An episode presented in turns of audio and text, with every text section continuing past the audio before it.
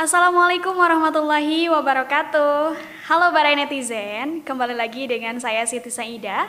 Tentunya di program kesayangan kita yaitu Q&A ngaji online Islam yang rahmah menyapa dengan ramah. Seperti biasa, bertemu dengan hari Rabu malam Kamis tentunya sudah menjadi jadwal kita menjawab pertanyaan-pertanyaan dari teman-teman netizen yang sudah dikirimkan melalui semua sosial media PWNU Jawa Barat. Dan alhamdulillah pada malam hari ini saya tidak sendiri, saya ditemani oleh salah satu aktivis muda Nahdlatul Ulama. Uh, beliau adalah Ketua MDS Rijalul Ansor Jawa Barat juga Katib Syuriah PCNU Kabupaten Purwakarta, dan beliau adalah pimpinan Pondok Pesantren Liung Gunung, Kecamatan Pleret, Kabupaten Purwakarta. Penasaran dengan keseharian beliau? Mari kita sambut Kang Haji Ahmad Anwar Nasihin. Assalamualaikum Kang. Waalaikumsalam warahmatullahi wabarakatuh. Bagaimana Kang kabarnya hari ini? Alhamdulillah baik. Alhamdulillah ya Kang ya. Keseharian minggu-minggu ini itu apa Kang? Ya saya ngajar santri saja. Alhamdulillah ya Kang ya luar biasa mudah-mudahan bermanfaat ya Kang ya. Amin. Baik, e, seperti biasa Kang, e, setiap hari Rabu itu kita jadwalnya menjawab semua pertanyaan-pertanyaan dari teman-teman netizen yang dikirimkan melalui sosial media PWNU Jawa Barat. Nah, pada malam hari ini akan sudah bersedia Kang untuk menjawab pertanyaan-pertanyaannya. Alhamdulillah ya Kang ya.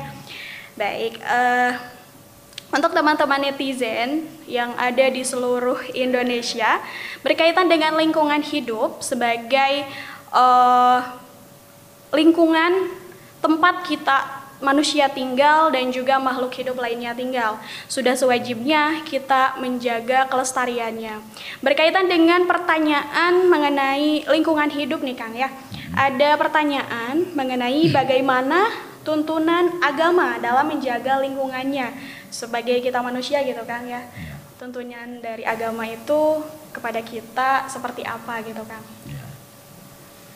Langsung dijawab ini. Iya, langsung Kang dijawab. Assalamualaikum warahmatullahi wabarakatuh. Waalaikumsalam warahmatullahi wabarakatuh. Bismillah, alhamdulillah, wassalatu wassalamu ala rasulillah wa ala alihi wa sahbihi wa mawala. Uh, menjawab pertanyaan tentang lingkungan hidup. Lingkungan hidup berarti berbicara tentang lingkungan hidup, berbicara tentang alam. Alam.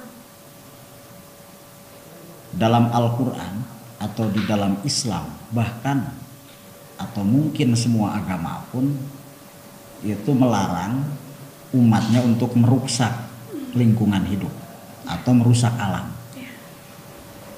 Ketika kerajaan Romawi dikalahkan oleh Persia, itu diceritakan di dalam Al-Quran surat Ar-Rum ayat ke-1 sampai dengan ke-4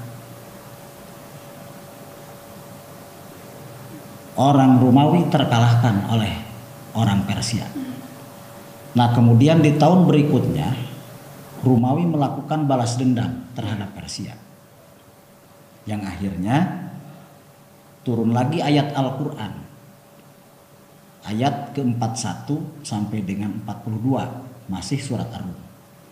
Itu berbicara tentang kesejahteraan dan kemakmuran.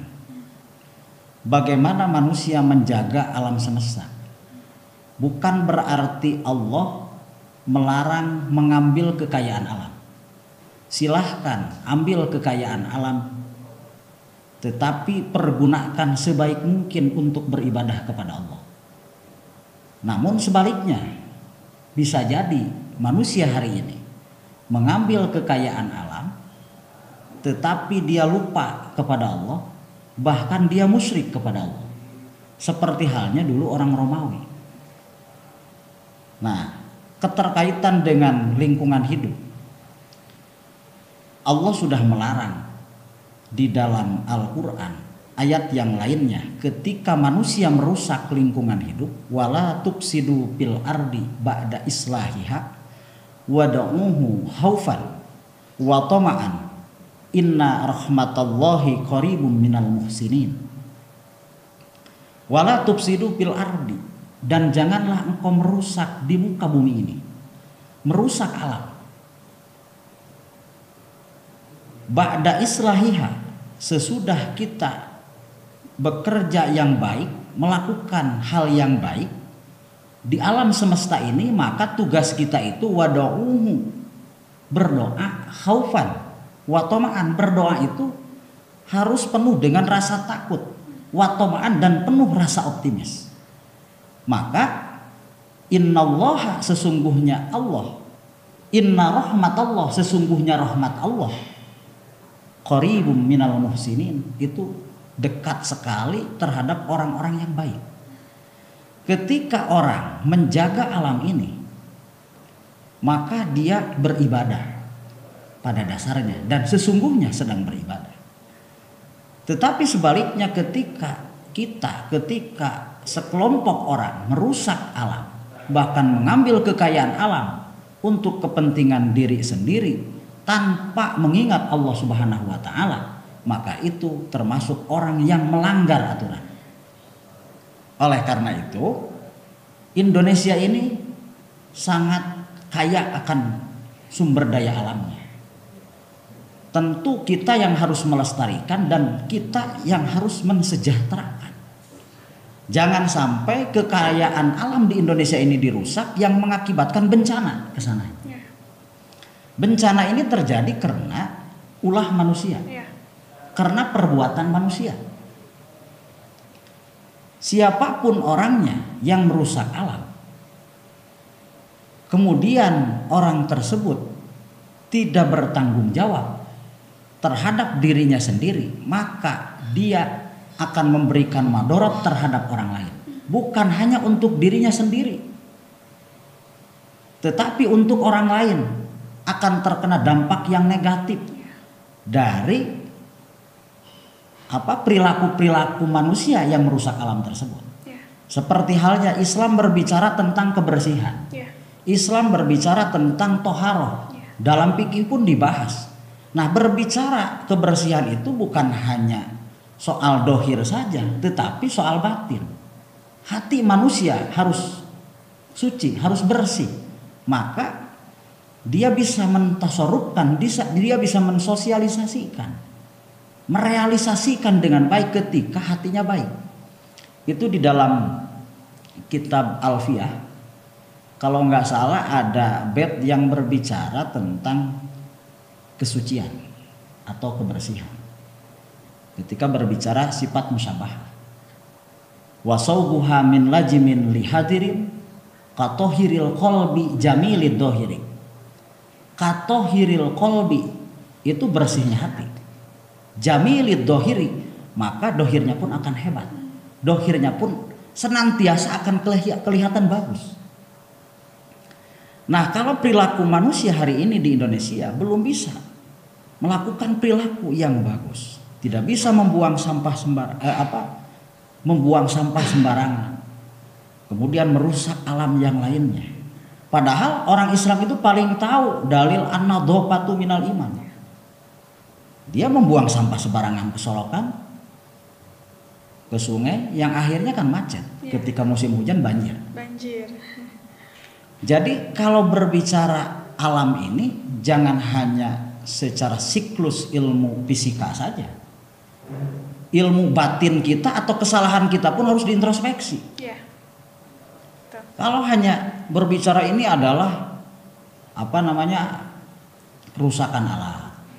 Kemudian ini karena terjadi alam semesta seperti ini tidak diintrospeksi terhadap diri kita sendiri. Kesadaran sendiri ya. Tidak ada kesadaran sendiri, malah menyalahkan alam. Iya. Alam akan bersahabat dengan kita, kita ketika kita bersahabat dengan alam. Cek kurang Sunda itu hidup kita itu harus seperti air. Ya. Kudu ngalemah seperti cai. Kudu ngalemah jeng cai. Karena kenapa ngalemah jeng cai? Air itu sangat dibutuhkan. Ketika resapan-resapan air itu habis atau tidak bisa meresap lagi air karena tidak ada pohon-pohonan, maka otomatis akan gampang terjadi longsor, akan gampang terjadi banjir. Nah, oleh karena itu di dalam hadis, mamin muslimin gorosa gorsan. fa akala minhu insan aw dabatu illa kana lahu bihi shadaqatun ya. Nah seperti itu. Tidak ada orang muslim itu yang menanam pohon atau apa saja. Dia menanam cabai cengek lah Ya. gitu ya. Gorosan. Pak akalaminhu kemudian ada yang memakan. Dia menanam kemudian ada yang memakan nah siapa yang memakannya? Insanun. Awadabatun manusia atau hewan. Bagaimana? Yang penting tugas kita menanam. Adapun menanam tersebut mau jadi besar atau mau mati pas kita nanam itu bukan urusan kita. Yang jelas tugas kita itu adalah menanam. Bagaimana melestarikan atau reboisasi penghijauan ini bisa memberikan kesejukan, keindahan terhadap alam. Dan kemudian akan bisa akan bisa dinikmati oleh kita semua. Maka illa kana lahu bihi sadaqatun ketika dimakan oleh manusia, ketika dihabisi oleh manusia, dimakan oleh hewan, ya kita termasuk orang yang bersedekah. Iya. Gitu. Cukup segitu. Iya. Baik luar biasa sekali ya Kang pembahasan mengenai eh, bagaimana tuntutan agama dalam menjaga lingkungan. Namun Kang kita lanjutkan perbincangan eh, kita setelah yang satu ini.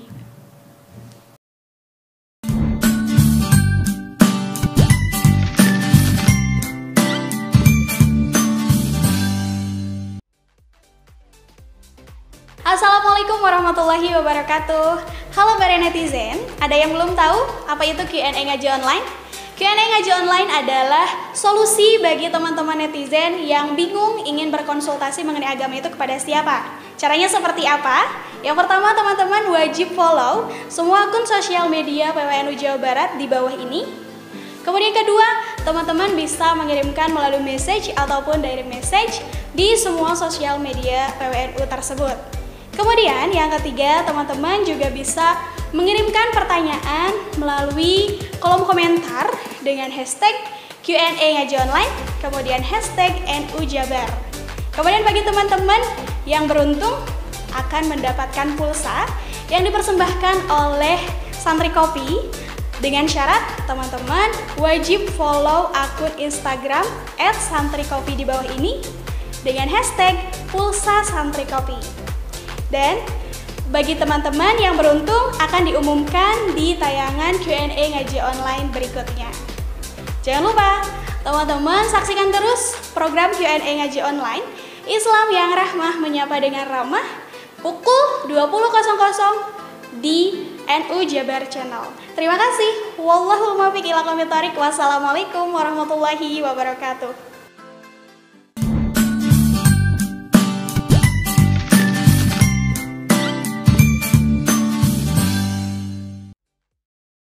Baik, kembali lagi dengan program Q&A ngaji online Islam yang rahmah menyapa dengan ramah. Eh, melanjutkan ke pembahasan yang tadi ya Kang, yang bahwa eh, menjaga lingkungan hidup itu sebagian dari ibadah ya Kang ya.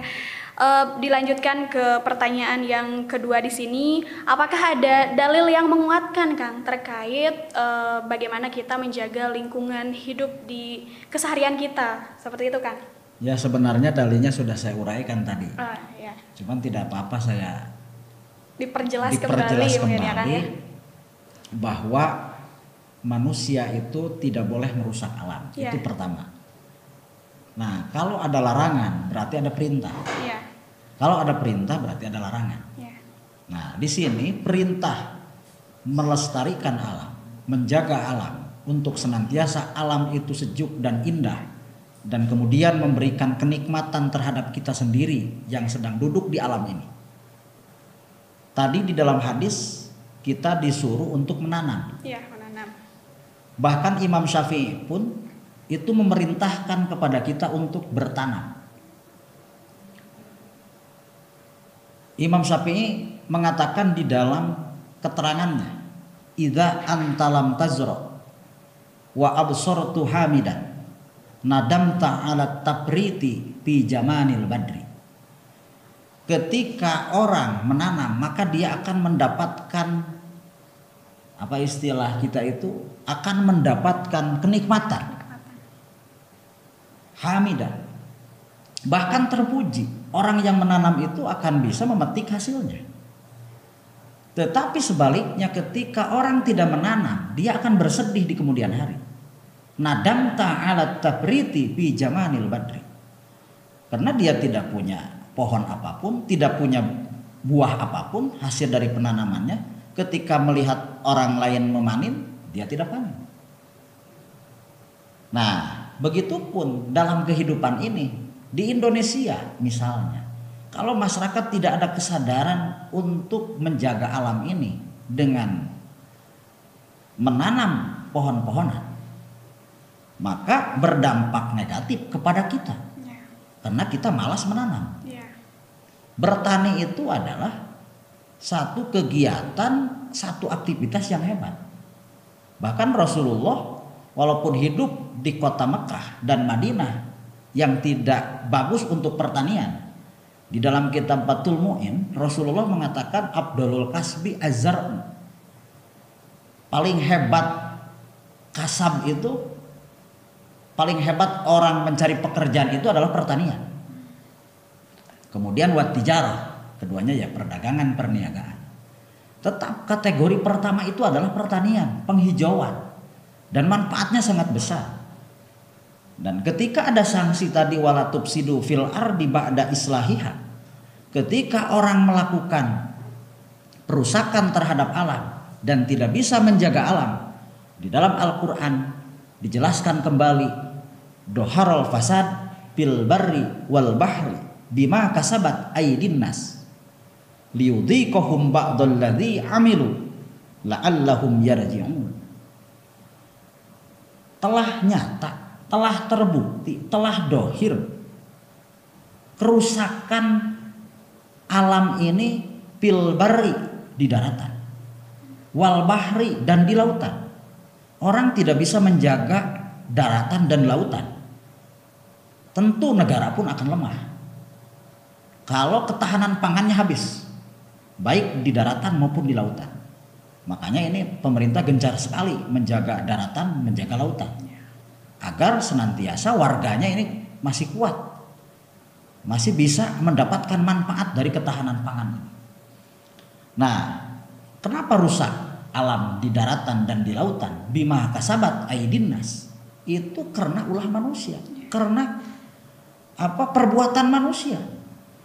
Liudi kohum Allah akan memberikan atau akan memberikan apa namanya orang tersebut supaya merasakan bagaimana dampak dari merusak alam akan madorot akan timbul kenegatifan bagi orang lain bagi orang banyak bukan hanya untuk dia sendiri contoh banjir-banjir saat ini yeah.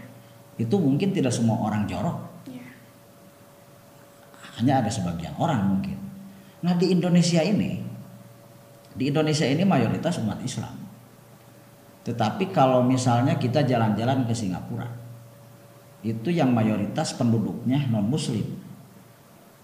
Itu tidak banyak kotoran-kotoran atau warganya membuang sampah sembarangan. Kenapa? Karena sudah ada kesadaran. Kalau tidak ada kesadaran, mau hadis banyak, mau ayat Al-Quran disiapkan, hadis disiapkan ya tetap saja ini tidak akan berjalan. Tetap harus ada kesadaran dari masing-masing penduduk Indonesia, warga Indonesia. Kita orang Islam diajarkan tentang kebersihan. Ya. Diajarkan tentang kerapihan. Innallaha yuhibbul mutatahhirin. Allah sangat mencintai orang yang suci, orang yang bersih. Itu kan dalil-dalil kita itu apalagi di NU ini banyak dalil. Cuman kita tidak bisa mengaplikasikan dari dalil tersebut. Contoh lagi di Polandia, pernah ke Polandia? Belum. Nah, sama saya juga belum pernah.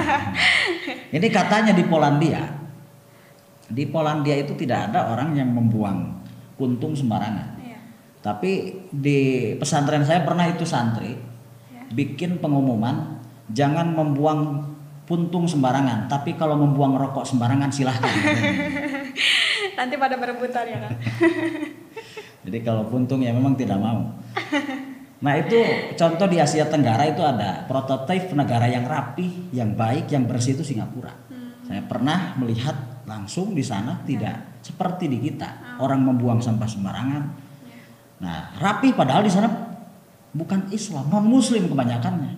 Dia paham tentang kebersihan. Masa kita orang Islam yang belajar tentang kebersihan, toharoh diajarkan di pesantren-pesantren, di madrasah-madrasah, kebersihan diajarkan di mana pun, kita masih tetap jorok. Ya.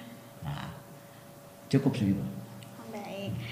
Lu- luar biasa sekali terkait eh, dalil yang menguatkan mengenai menjaga lingkungan itu sangat wajib sekali ya Kang ya karena manfaatnya pun juga tidak akan dirasakan oleh orang lain tetapi juga akan dirasakan oleh eh, diri kita sendiri. Namun sebelumnya Kang di sini eh, melanjutkan perbincangan kita itu setelah tayangan yang satu ini.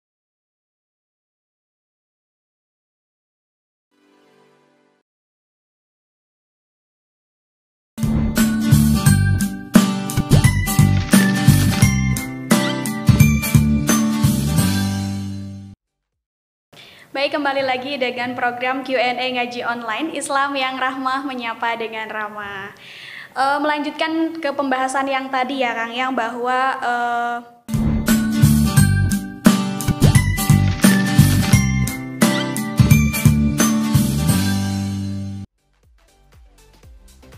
Assalamualaikum warahmatullahi wabarakatuh. Halo para netizen, ada yang belum tahu apa itu Q&A Ngaji Online? Q&A Ngaji Online adalah solusi bagi teman-teman netizen yang bingung ingin berkonsultasi mengenai agama itu kepada siapa. Caranya seperti apa? Yang pertama teman-teman wajib follow semua akun sosial media PWNU Jawa Barat di bawah ini. Kemudian kedua, teman-teman bisa mengirimkan melalui message ataupun direct message di semua sosial media PWNU tersebut.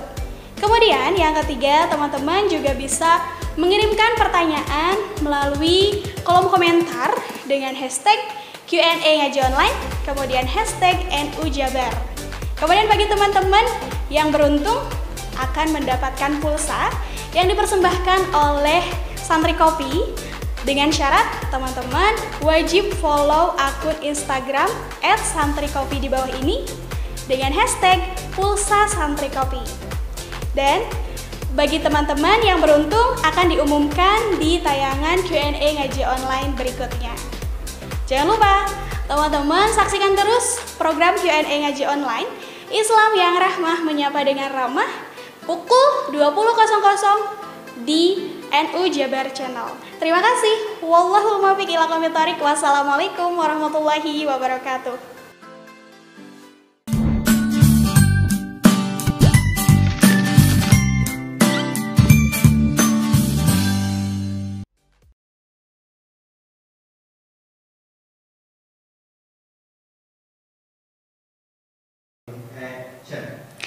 Baik, kembali lagi dengan program Q&A Ngaji Online Islam yang Rahmah Menyapa dengan Ramah. Tadi Kang kita membahas mengenai eh, bagaimana tuntutan agama dalam menjaga lingkungan, kemudian dikuatkan dengan dalil-dalil yang mewajibkan ya Kang ya dalam menjaga lingkungan. Eh, di sini apa hukum orang yang merusak lingkungan hidup dengan sengaja? Apakah hukumannya itu bisa disamakan dengan pelaku korupsi Kang? Seperti itu Kang? Berbicara hukum ini berarti berbicara sanksi. Sanksi, ya. Seharusnya ada sanksi hukum di negara kita bagi orang yang merusak lingkungan Ya, atau yang mengotori lingkungan. ya.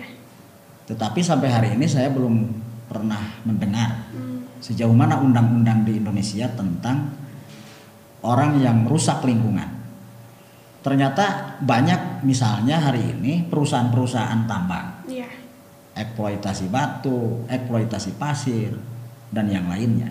Apakah itu termasuk merusak lingkungan hidup? Ya. Nah, ketika tidak ada izin mungkin dianggap merusak lingkungan hidup. Sementara seperti itu.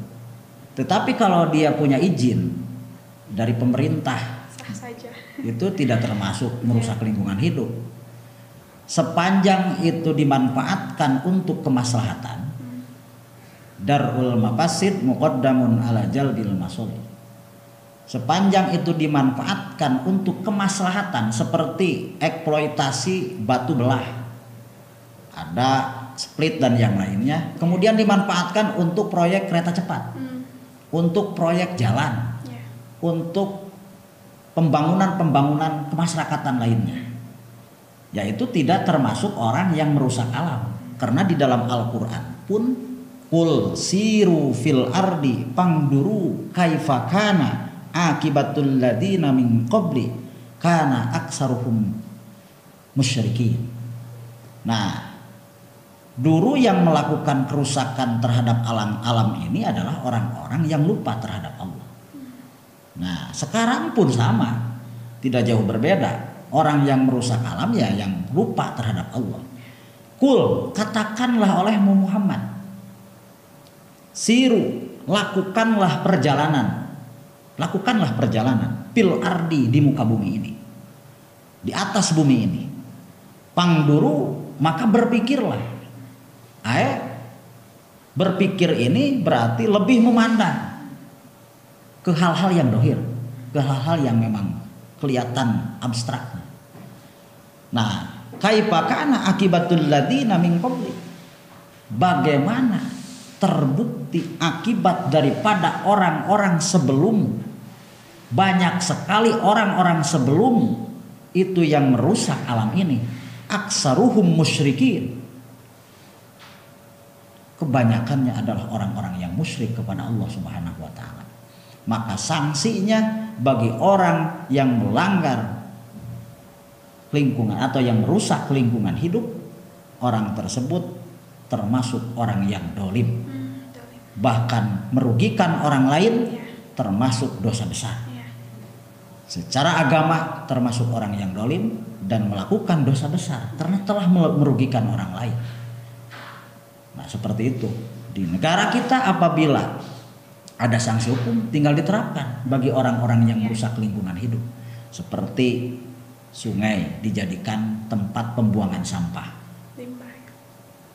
Pembuangan limbah yang akhirnya bukan fungsinya sungai itu untuk mengalirnya air. Ya. Coba kalau air itu mengalir dengan sendirinya tanpa diganggu, maka air tersebut bisa dimanfaatkan oleh ribuan orang ya. atau ratusan orang. Nah, setelah sungai itu diganggu oleh limbah perusahaan, maka masyarakat sudah tidak bisa menikmati dan memanfaatkan air tersebut. Maka itu pun sama termasuk orang yang merusak lingkungan hidup dan termasuk dosa besar sama dengan korupsi. Iya. Merugikan orang lain iya. intinya. Korupsi merugikan orang lain. Kemudian orang yang merusak lingkungan hidup sama merugikan orang lain. Tinggal kita kaji bagaimana hukumnya orang yang merugikan orang lain. Nah, itu nanti beda lagi judulnya. Iya. Itu intinya itu merugikan orang lain, dosanya dosa besar. Hmm. Dan termasuk memadorotkan orang banyak semakin orang tidak ridho ya. dengan apa yang dia lakukan, maka semakin banyak dosa yang dia lakukan. Ya. Kalau misalnya ada seribu orang yang komplain, tadinya dia bisa menikmati alam tersebut, bisa menikmati air tersebut, ya. sehingga air di kemudian hari tidak bisa dinikmati oleh ribuan orang, ratusan ribu orang, dia berdosa kepada orang tersebut. Ya. Begitu saja untuk jawaban sanksi atau sanksi hukum bagi orang yang melanggar lingkungan hidup. Terus? Uh, Alhamdulillah semua pertanyaan sudah dijawab dengan detail dan sangat jelas ya Kang ya. Namun sebelumnya uh, sebelum ditutup silahkan Kang untuk memberikan closing statement untuk teman-teman netizen di sana. Ya. Ya. Intinya bahwa manusia hidup tidak terlepas dengan alamnya. Ya. Maka alam semesta adalah milik kita. Milik kita semua yang perlu kita jaga, yang perlu kita lestarikan. Ambil manfaatnya yang besar dari alam ini untuk kehidupan kita yang lebih baik. Ya. Mungkin itu baik. cukup dari saya. Mohon maaf Wallahul muwaffiq ila aqwamit thoriq. Wassalamualaikum warahmatullahi wabarakatuh. Waalaikumsalam warahmatullahi wabarakatuh. Terima kasih Kang. Uh, Alhamdulillah pada malam hari ini semua pertanyaan sudah dijawab dengan detail ya Kang ya. Terima kasih Akang sudah menyempatkan hadir pada malam hari ini untuk menjawab semua pertanyaan-pertanyaan. Ya, Mudah-mudahan uh, ilmu yang akan sampaikan itu bermanfaat ya Kang untuk uh, semua netizen yang ada di seluruh Indonesia dan mudah-mudahan akan selalu disehatkan Amin. dan aktivitasnya selalu dilancarkan ya Kang ya. Baik. Ya Kang, sama-sama. Kemudian di sini untuk teman-teman yang masih bingung terkait bagaimana caranya untuk mengajukan pertanyaan uh, pertanyaan yang teman-teman tanyakan bisa banget teman-teman kirimkan pertanyaan itu melalui semua sosial media PWNU Jawa Barat bisa melalui Facebook yaitu di NU Jabar Online dan juga di IG-nya NU Jabar Channel dan tentunya di YouTube yaitu NU Jabar Channel. Dan saksikan terus tayangan Q&A ngaji online setiap pukul 8.00 setiap hari Rabu malam Kamis di NU Jabar Channel. Sebelum ditutup, uh, untuk teman-teman netizen semuanya, marilah kita berdoa bersama-sama untuk saudara saudara-saudara kita yang terkena musibah, bencana alam dan lain sebagainya. Mudah-mudahan diberikan kesabaran, diberikan ketabahan dan mudah-mudahan diberikan rizki yang uh, luar biasa nanti di kemudian hari. Dari saya Siti Saidah pamit undur diri beserta kru. Mohon maaf apabila banyak kekurangan. Wallahul muwaffiq ila Wassalamualaikum warahmatullahi wabarakatuh.